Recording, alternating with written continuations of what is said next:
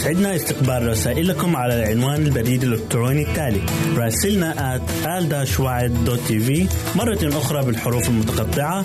R A S I L N A at A L شرطة W A A D في منتظرين رسائلكم.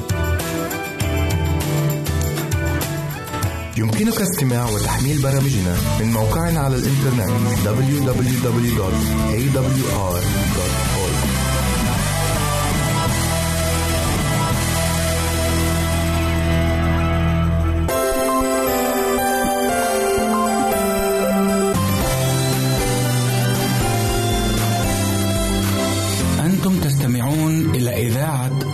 الوعد.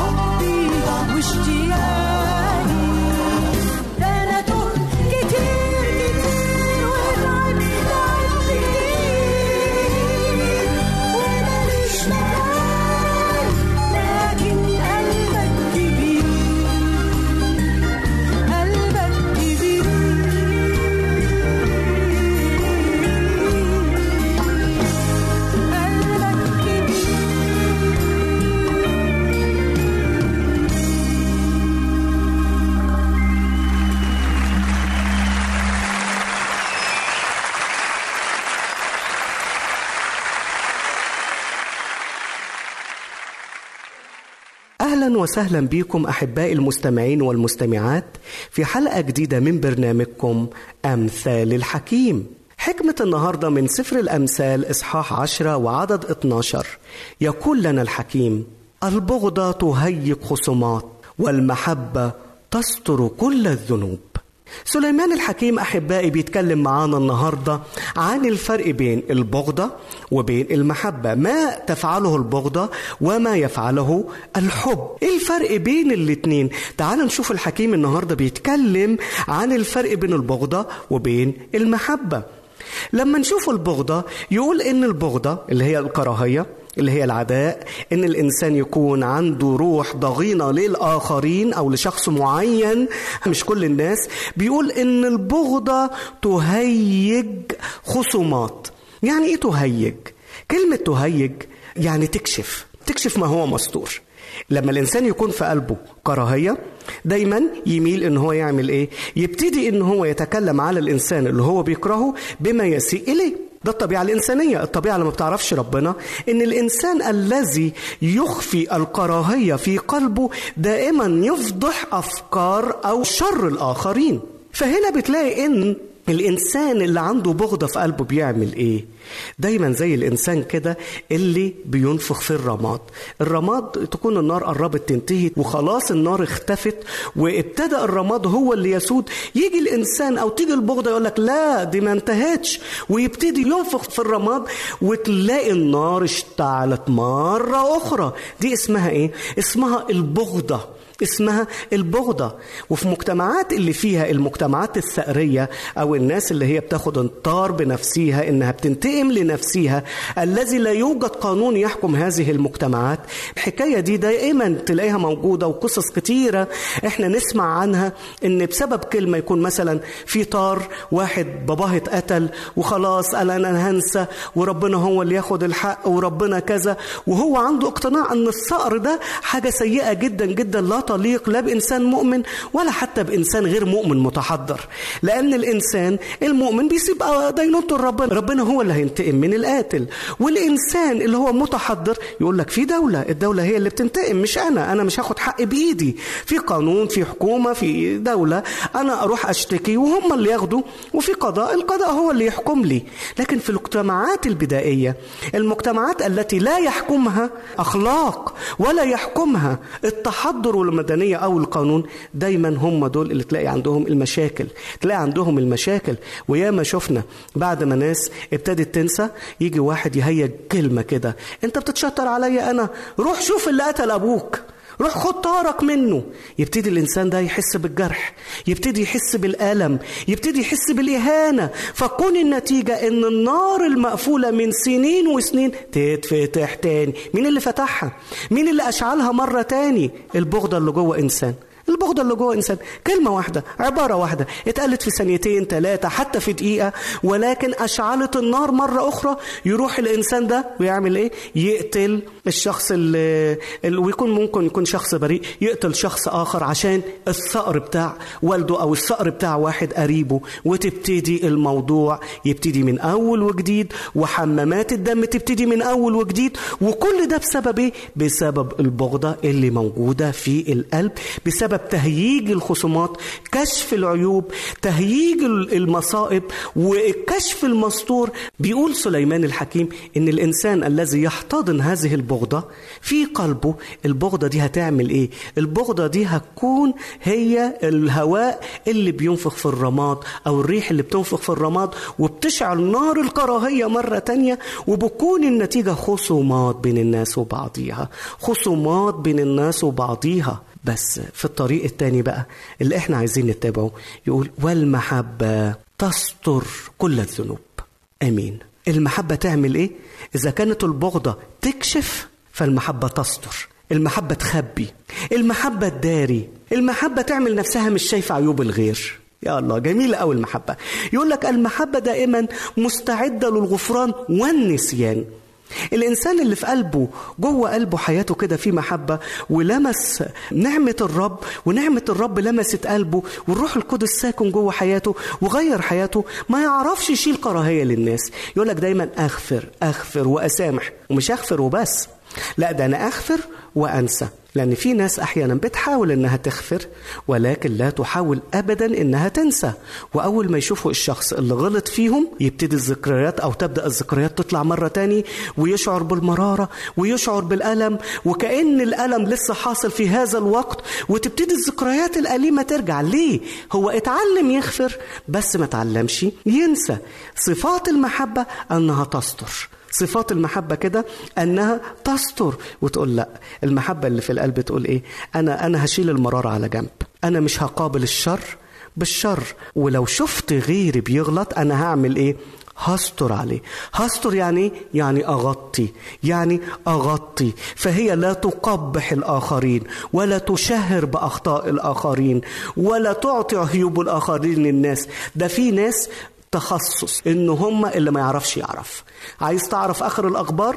ويا ريتها أخبار تكون صحيحة 100% لا ده كمان بالبهارات بتاعتها أخبار بالكذب والحواشي بتاعتها. فلان ده أقعد معاه يقول لك فلان عمل فلان عملت فلان عمل. وده واحد وزوجته اتخانقوا في بيت وده اترفد من شغله مش عارف عشان إيه وده جرى له إيه وده جرى له إيه. وتسمع كل ما هو سيء من هذا الإنسان. الإنسان المحب لا يجلس مع مثل هؤلاء. ابدا ابدا ابدا.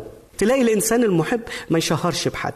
الإنسان اللي فيه خطية هو اللي يشهر. لكن الإنسان اللي فيه المسيح الإنسان اللي فيه الروح القدس يقول لك طب ما إحنا كلنا عيوب يعني. ليه أنا همسك عيب الآخرين و... وأنسى عيوبي أنا؟ ولما تيجي أنت تكلمه عن حد يقول لك لا لا لا خلاص سيبنا من السيرة دي. ربنا هو اللي عالم القلوب. ربنا هو اللي عالم الأسرار. بس هنا خلي بالنا المحبة المحبة تستر كثره من الخطايا.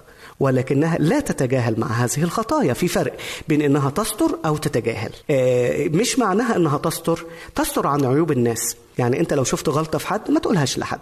خلاص؟ لو شفت غلطة في إنسان معين ما تقعدش تعملها له إذاعة بقى. وتقول كل اللي رايح واللي جاي ده عمل وده عمل واللي فكرته موسى طلع فرعون. لا لا لا دي مش المحبة. دي الب- البغضة والكراهية. لكن المحبة تستر العيوب. تستر العيوب بس مش معناها تتجاهل العيوب. في فرق بين الاثنين إزاي لا تتجاهل العيوب؟ يعني إذا شفت الإنسان ده بيغلط إذا شفت الإنسان ده سيء قدامك بينك وبينه بينك وبينه تعالى كلمه انصحه وبخه. قول له على اللي المفروض يعمله. قول له على الطريق الصح اللي لازم إن هو يسلك. فيه وكون عن طريق آه، إن أنت آه، لوحدكم. على انفراد. على انفراد. دي الطريقة اللي قالها الرب يسوع. إن أخطأ إليك أخوك اذهب وحدكما بينك وبينه. بينك وبينه. هي دي المحبة الحقيقية. مش المحبة إن أنت تتجاهل أخطائه ولكن المحبة إن أنت لما تيجي تعالج أخطائه ما تفضحوش وتشهر بيه قدام الآخرين. تعالى لوحدك. وإذا ما سمعش منك الخطوة التانية هات اتنين تلاتة معاك من الكنيسة. شفتوا الحكاية بتكبر بس ببطء بس أول خطوة تكون إيه؟ تكون أنت لوحدك. هي دي المحبة التي تستر العيوب تستر الذنوب تستر الأخطاء وتحافظ على سمعة الناس. ولو ما سمعش من الاتنين تلاتة هات بقى الكنيسة يبقى أنت كده عملت كل ما في وسعك عملت كل اللي عندك. عشان كده يا أحباء الكتاب بيأكد علينا هذه الحقيقة في آه، رسالة يعقوب إصحاح خمسة وعدد عشرين. نسمع كده بيقول إيه؟ فليعلم أن من رد خاطئا عن ضلال طريقه يخلص نفسا من الموت ويستر كثرة من الخطايا. إذا هنا واضح جدا أن الإنسان اللي بيستر الخطايا مش معناها بيتجاهل الخطايا ولكن عنده أسلوب مختلف في معالجة الخطايا. عنده أسلوب المسيح اللي هو أن أنا بحب الناس وأن أنا بعمل لخيرهم ولما باجي أصلحهم أو أرشدهم بيكون للبناء وليس للهدم. البغضة تهيج خصومات والمحبة تستر كل الذنوب. يلا بينا أحبائي. يلا بينا نتعلم النهارده إزاي نغفر نغفر لحد عمل معايا إساءة. لإنسان أنا لسه بحس بالألم كل ما بيذكر اسمه. تعالوا النهارده نفتح صفحة جديدة مع هذا الإنسان. اكتب اسمه عندك وقول له يا رب أنا واضع هذا الاسم أمامك. يا ربي الإنسان ده أساء الي في الماضي. وأنا حاسس بالإساءة دي. وما زالت نفسي تعاني من هذا الألم. ولكن أنا بنعمة المسيح. آتي إليك الآن طالبا منك يا رب إنك تعطيني القوة لكي أغفر لهذا الإنسان لكي أسامح هذا الإنسان لكي أنسى إساءة هذا الإنسان ليا. ساعدني يا رب ان أنا أستر كل الذنوب. آمين. سعدت أحبائي بوجودي معكم. على أمل اللقاء مرة أخرى. سلام الرب معكم وإلى اللقاء.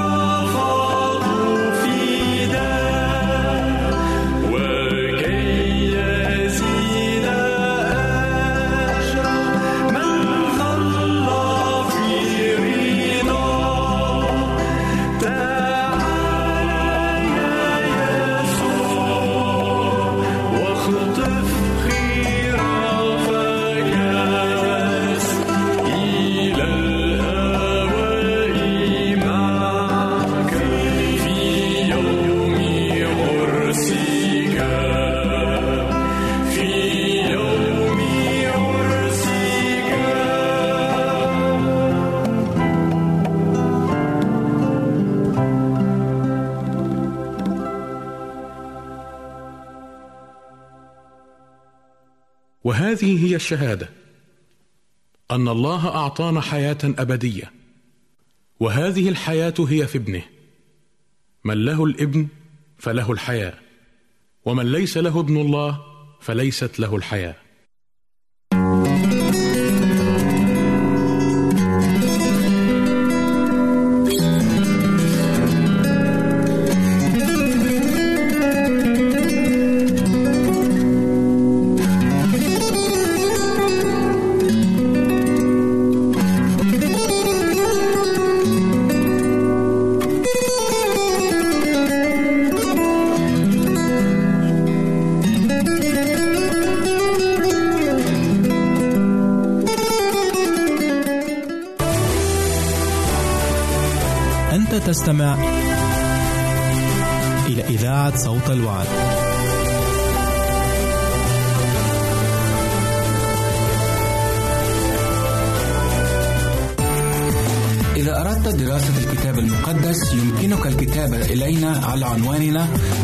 تحصل على هدية قيمة بعد انتهائك من الدراسة.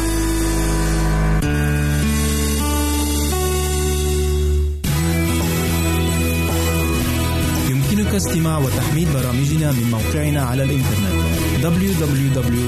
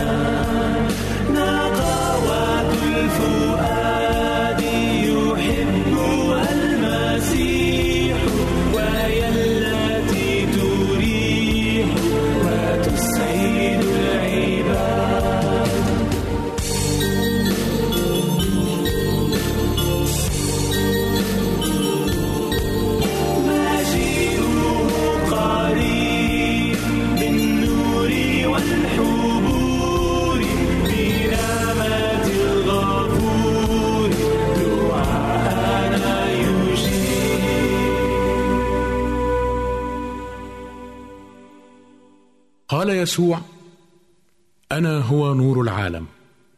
من يتبعني فلا يمشي في الظلمة بل يكون له نور الحياة. نرحب بكم مستمعينا الكرام في هذا اللقاء الجديد مع برنامج دنيا الأدب لنتحدث عن حياة أحد شعراء العصر الحديث وهو الشاعر المصري محمود سامي البارودي. فأهلا بكم معنا أيها الأحباء.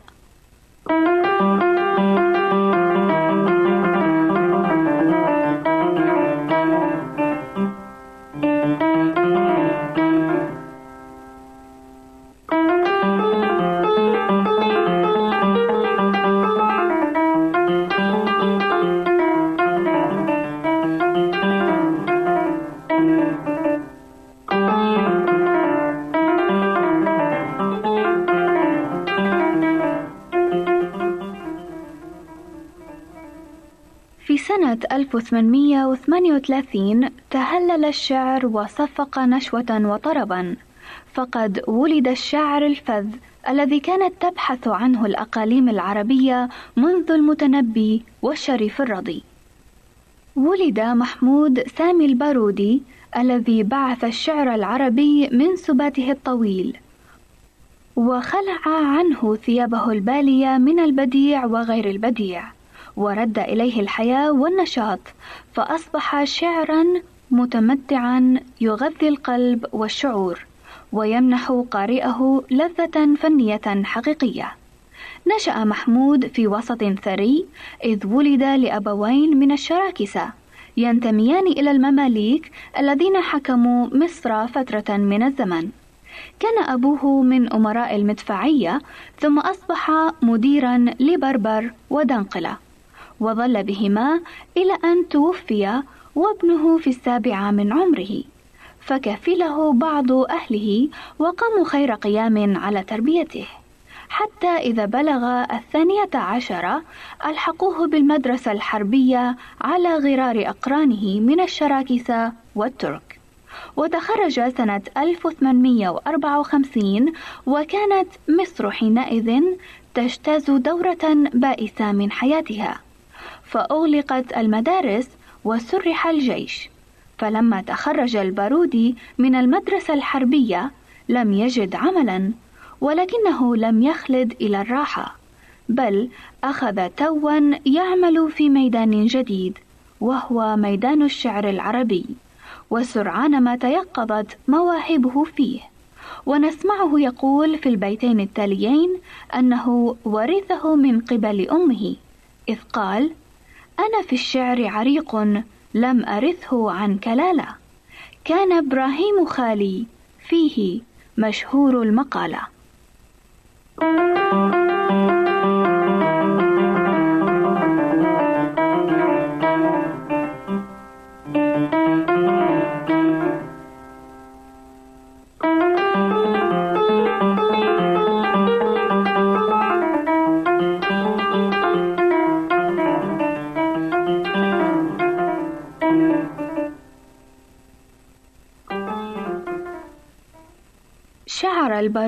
من أول الأمر أنه لا بد له من التمرين والإعداد.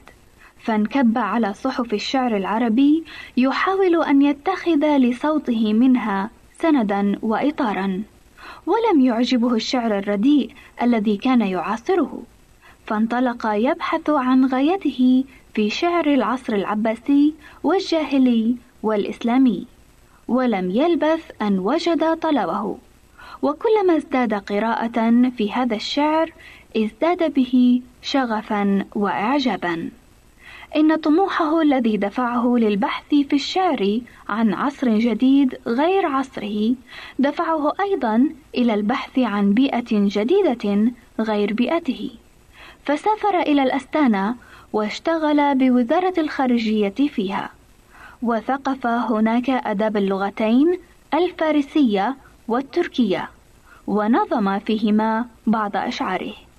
في هذه الأثناء زار إسماعيل الأستانة ليشكر أولي الأمر فيها على تقليده ولاية مصر فتعرف على البارودي وضمه إلى حاشيته وأصبحت له مكانة أثيرة عنده ولما عاد إلى مصر صاحبه معه. أخذ الحظ يبتسم له فعين في سلاح الفرسان.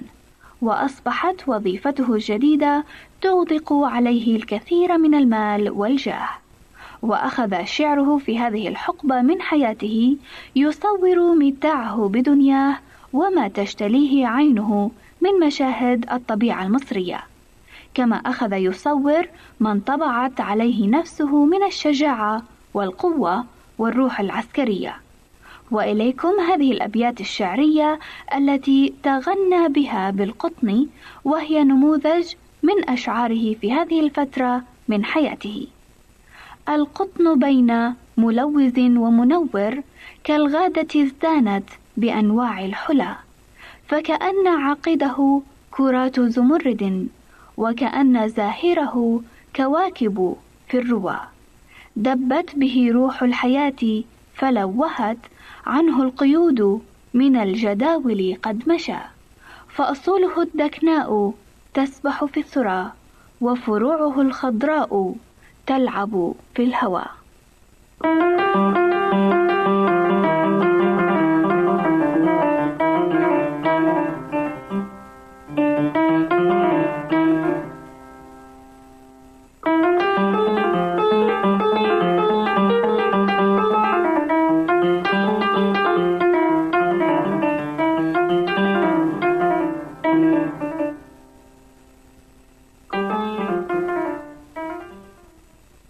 عندما اندلعت ثورة ضد الدولة العثمانية أبلى فيها الشاعر بلاء حسنا فكافأته الدولة ببعض أوسمتها. وفي هذه الحرب نظم نونيته المشهورة التي نورد لكم منها بيتا. يقول فيها الشاعر أخذ الكرى بمعاقد الأشفان وهفى السرى بأعنة الفرسان. بعد أن تنازل إسماعيل عن ولاية مصر لابنه توفيق نكث هذا بعهده للأمة واستعان بحراب الإنجليز ضد الوطن وجيشه. فانضم البارودي إلى الثورة وأنشد العديد من القصائد في ذلك. وإليكم هذه الأبيات من شعره السياسي الذي يدعو فيه إلى الإصلاح والأخذ بنظام الشورى. فنسمعه يقول لكننا غرض للشر في زمن أهل العقول به في طاعة الخمل. قامت به من رجال السوء طائفة أدهى على النفس من بؤس على ثكل. ذلت به مصر بعد العز واضطربت قواعد الملك حتى ظل في خلل. وأصبحت دولة الفسطاط خاضعة بعد الإباء وكانت زهرة الدول. قلدوا أمركم شهما أخا ثقة. يكون عونا لكم في الحادث الجلل. يجلو البديهة باللفظ الوجيز إذا عز الخطاب وطاشت أسهم الجدل.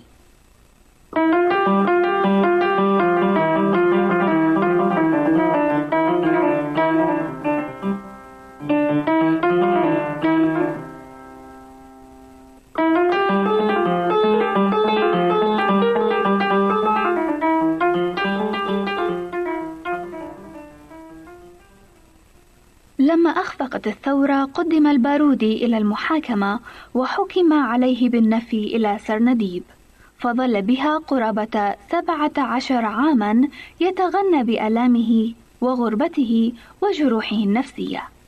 وأخذ يؤلف مختاراته من الشعر القديم فجمع لثلاثين شاعرا عيون قصائدهم وأشعارهم.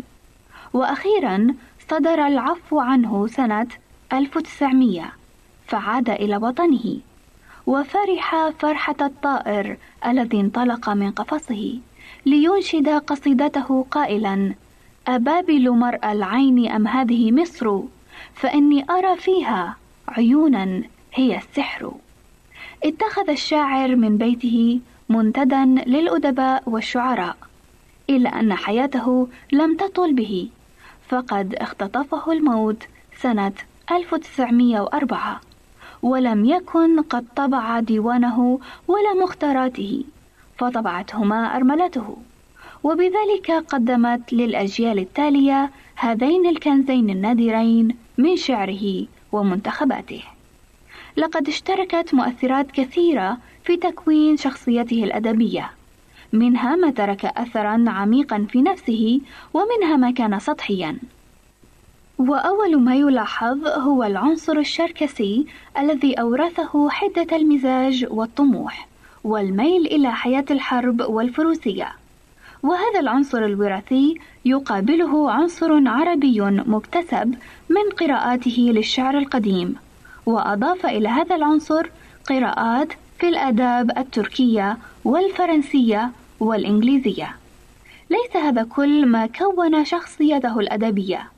فهنالك عنصر خطير كان له أعمق الأثر في تكوينه وهو عنصر البيئة المصرية التي أثرت مشاهدها الطبيعية وأحداثها القومية والسياسية في روحه وكيانه الأدبي. حتى عد الشاعر الذي لا يبارى في تصوير الحياة المصرية من جميع أطرافها المكانية والزمانية. لقد استعار البارودي من القدماء إطارهم الذي يقوم على قوة الأسلوب وجزالته، ولكنه ملأ هذا الإطار بروحه وشخصيته، ومن هنا يأخذ مكانته في الشعر العربي الحديث، فقد رد إليه متانته ورصانته، وفرض عليه نفسه وبيئته وعصره، بحيث أصبح شعرا حيا يصور منشأه وقومه تصويرا بارعا مخلصا وصادقا. أتمنى أن تكونوا قد استفدتم من حلقة هذا اليوم التي دارت حول الشاعر المصري المعروف محمود سامي البارودي. في الختام لكم من هنا سليم أحلى الأمنيات وإلى اللقاء.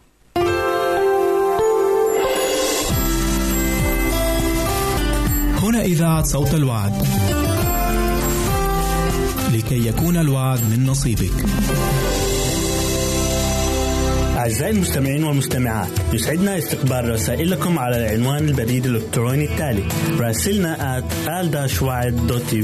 مرة أخرى بالحروف المتقطعة R A S I L N A at A L شرطة W A A D منتظرين رسائلكم يمكنك استماع وتحميل برامجنا من موقعنا على الإنترنت www.awr.org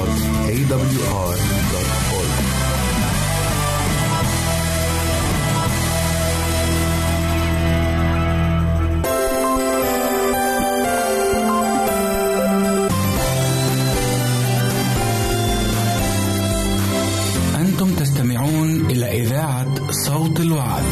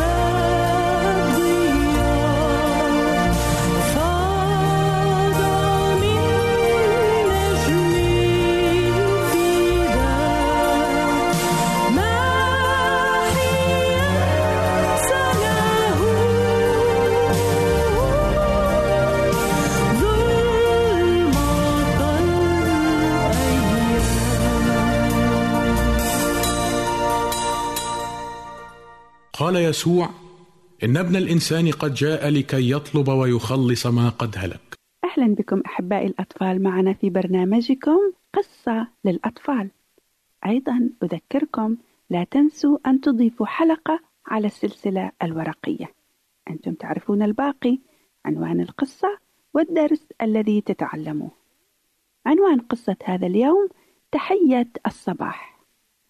في صباح أحد الأيام أفاقت سهام من نومها ورأت أشعة الشمس منعكسة عليها من زجاج النافذة وكأنما تلك الأشعة تحييها صباح الخير. فقد آن لجميع الأطفال أن ينهضوا من نومهم. فنهضت سهام وارتدت ملابسها بسرعة وغسلت وجهها ويديها ونظفت أسنانها ثم أسرعت إلى النافذة حيث سمعت طائرا يغرد وبقرب النافذة رأت عصفورا صغيرا يصدح صداحا عذبا. فقالت سهام أيها العصفور الجميل إنك تحيينا تحية الصباح. صباح الخير. وأسرعت إلى المطبخ وأحضرت فتاة خبز ووضعته خارج النافذة. ثم بعدت عنه لتراقب العصفور وهو يتناول فطوره. توقف الطائر عن تغريده وهبط ليلتقط بعض الخبز. فتمتع بفطور جيد ثم غرد مرة أخرى. شاكرا سهام ثم طار. وبعد قليل دخلت هرة صغيرة إلى الغرفة وأخذت تتمسح برجلي سهام. فقالت لها سهام وأنت أيضا تقولين صباح الخير؟ أنا أعرف كيف أجيبك. أسرعت إلى المطبخ فتبعتها الهرة الصغيرة. وهناك وضعت لها سهام بعض الخبز والحليب. أخذت الهرة تأكل. لا لا لا, لا هيك تأكل بسرعة بسرعة بسرعة. فقالت سهام في نفسها ما أحسن هذا الصباح؟ والهرة تقول لي صباح الخير وهي تأكل. وبعد أن أنهت الهرة كل ما وضع لها من الطعام. ألقت عليها كلمة الشكر مرة أخرى. ومضت بسلام.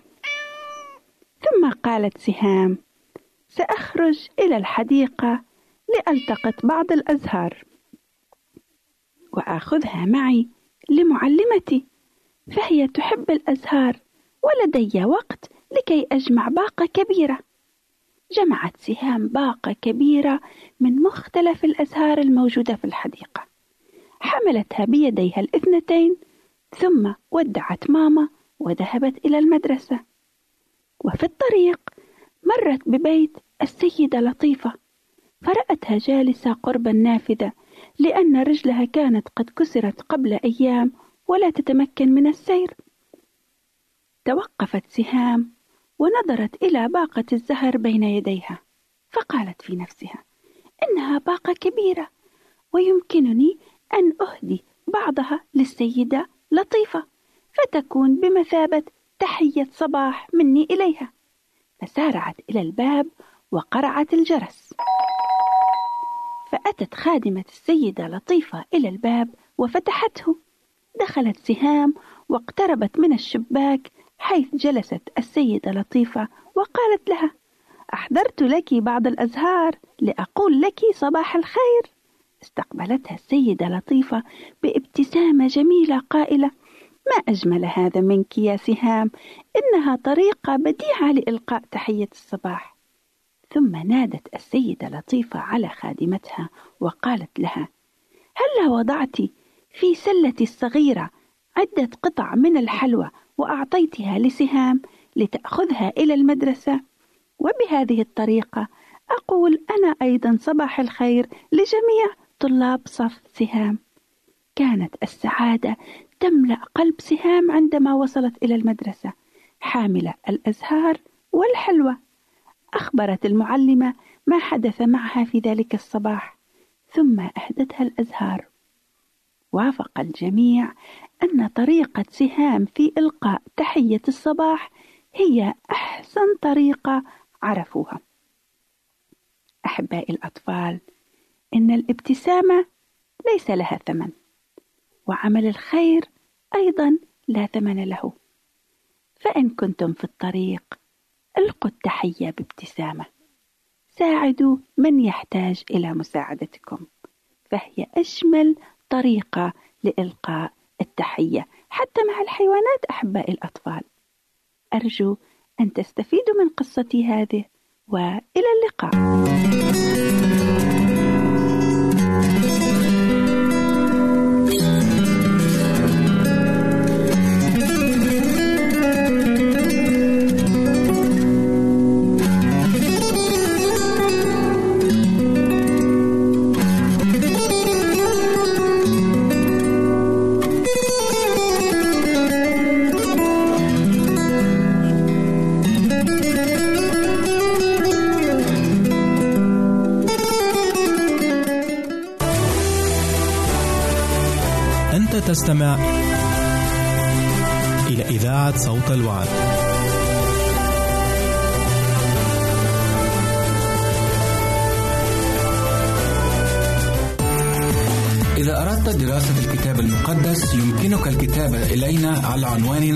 وستحصل على هدية قيمة بعد انتهائك من الدراسة.